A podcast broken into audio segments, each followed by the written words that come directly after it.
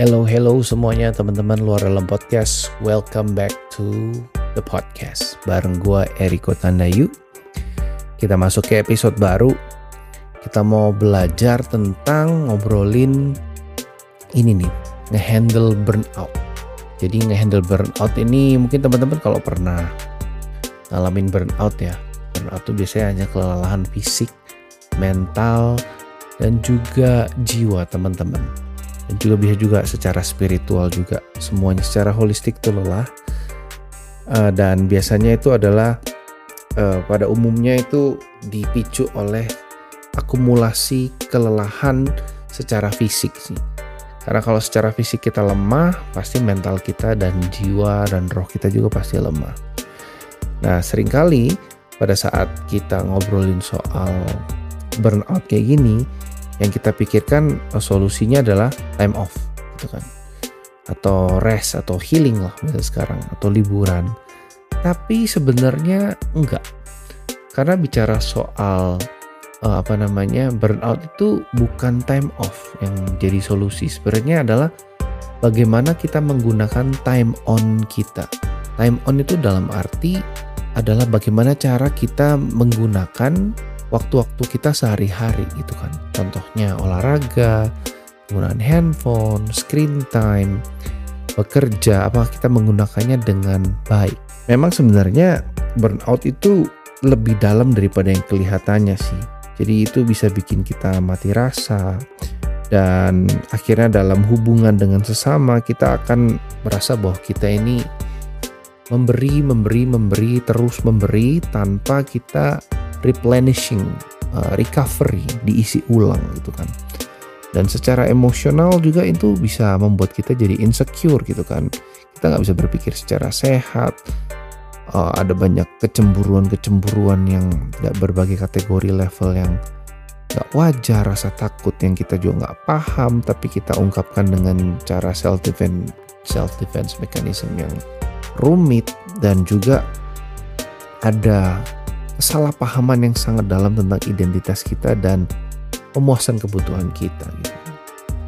Dan ini bisa macam-macam gitu teman-teman. Untuk bisa menangani burnout memang saran saya pribadi yang sudah pernah mengalami burnout itu teman-teman adalah uh, mengambil waktu untuk pergi ke psikolog karena itu perlu bantuan dari orang lain nggak bisa kita sendiri saja gitu kan dan based on pengalaman pribadi saya ini ya. Saya bukan psikolog, saya bukan psikolog, jadi hanya pengalaman pribadi. Yang saya tahu itu memang prinsipnya itu adalah itu, bagaimana kita menggunakan time on kita itu sangat mempengaruhi. Contohnya itu terjadi itu pada saat COVID teman-teman 2021. 2021 sekarang 2024 jadi sekitar tiga tahun yang lalu kan saya baru sadar bahwa ada sesuatu yang nggak beres dengan diri saya saya merasa waktu itu yang saya rasakan saya rasa muak saya rasa enak dengan semuanya saya pengen berhenti dari semuanya. Lalu saya ngobrol ke istri saya minta izin untuk boleh nggak saya ambil waktu satu minggu sendiri menyendiri dengan diri saya dengan Tuhan untuk membereskan semua apa ini badai gelora yang ada di hati saya gitu. Saya minta izin juga ke apa namanya ke bos saya waktu itu. Dan puji Tuhan ya akhirnya di dibolehin gitu kan. Dan akhirnya saya di situ selama tujuh lima hari lah lima hari kan sampai tujuh hari lima hari empat malam saya sendiri dengan diri saya dan dengan Tuhan saya matikan semua notifikasi aplikasi handphone kecuali notifikasi dari istri saya aja dan anak-anak gitu kan. Saya hanya bawa Alkitab saya bawa uh, iPad untuk baca buku bawa MP ya headset untuk dengerin uh, lagu gitu kan dan bawa alat beberapa alat olahraga olahraga dan beberapa tools pribadi saya gitu. Dan saya sangat menikmati sekali. Yang saya lakukan di sana itu saya belajar bahwa ada banyak hal yang belum terselesaikan di masa lalu. Ini jadi saya bilang masa lalu ini balik ke sekitar 10-12 tahun yang lalu gitu kan. Dari per 2021 itu. Dan waktu saya mencoba untuk menuliskan hal-hal yang membuat saya menjadi lumpuh gitu adalah mulai dari yang paling mendasar adalah kehilangan.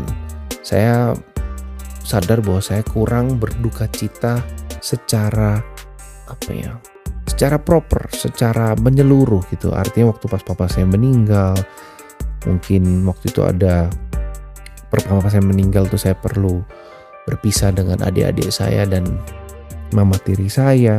Itu membuat saya berduka tapi saya tidak mengambil waktu yang cukup untuk berduka. Lalu per covid juga ada banyak teman yang meninggal karena covid dan itu semua mengejutkan teman-teman baik saya atau mungkin kerabat dari teman baik saya suami atau istrinya.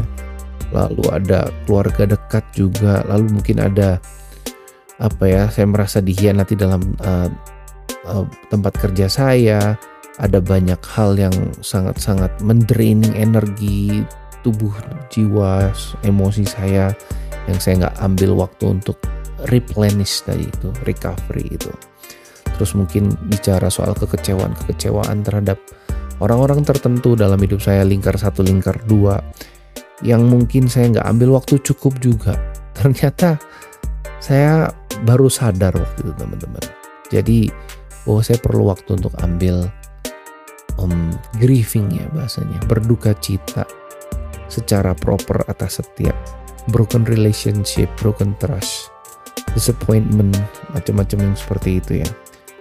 Dan ketidakmampuan saya untuk mungkin menjadi seorang ayah yang baik untuk anak-anak saya juga itu ternyata bagian dari itu juga.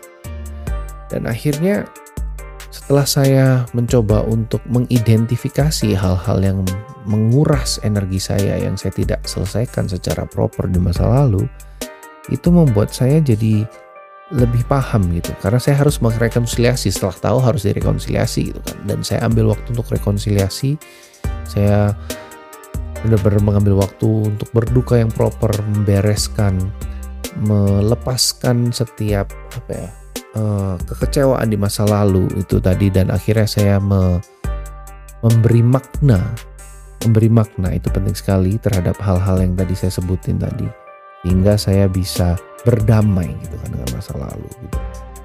Nah itu tadi teman-teman. Jadi dalam mengidentifikasi itu juga dibantu oleh skill yang namanya journaling basic gitu teman-teman. Journaling basic ini bicara tentang bagaimana saya bisa men menggali ya isi hati saya yang terdalam? Lalu mencoba untuk mengkomunikasikannya lewat otak saya dan ke tangan saya. Terus saya tulis gitu kan di buku. Sehingga, uh, bukan untuk nulis buku ya tapi maksudnya untuk menulis perasaan saya di mapping gitu kayak di mapping. Sehingga itu membantu saya untuk bisa melihat apa yang ada di uh, bagian hati saya yang terdalam gitu. Dan itu journaling itu sangat sangat penting sangat penting untuk bisa membantu kita untuk melewati masa-masa sulit teman-teman. Karena kalau kita nggak bisa lihat masalah kita maka ya sulit untuk kita mencoba untuk menyelesaikannya. Kita nyelesainya di kepala kita dan itu kan kadang berat ya kalau nyelesain di kepala. Penat gitu. Tapi kalau kita nyelesainya at least mencoba mensimulasikannya mencari solusinya di atas kertas. Yang mana kertas itu nggak makan emosi kita nggak makan energi kita it is much easier gitu kan lebih mudah jauh lebih mudah jadi akhirnya ya itulah yang saya lakukan dan saya pengen share itu ke teman-teman supaya teman-teman mungkin nggak selalu mirip dengan saya, tapi kurang lebih itu adalah masalah-masalah yang cukup umum sih, yang dihadapi oleh semua orang sehingga teman-teman at least bisa tahu where to start gitu kan. Dan aku harap ini juga bisa memberikan teman-teman apa ya uh, gambaran gitu. Dan kalau teman-teman merasa ini berguna, teman-teman boleh share juga ke teman-teman yang lain dan aku senang sekali kalau bisa bantu dan semoga ini bisa membantu teman-teman menjadi versi yang terbaik dari diri teman-teman semuanya. Oke, Tuhan memberkati.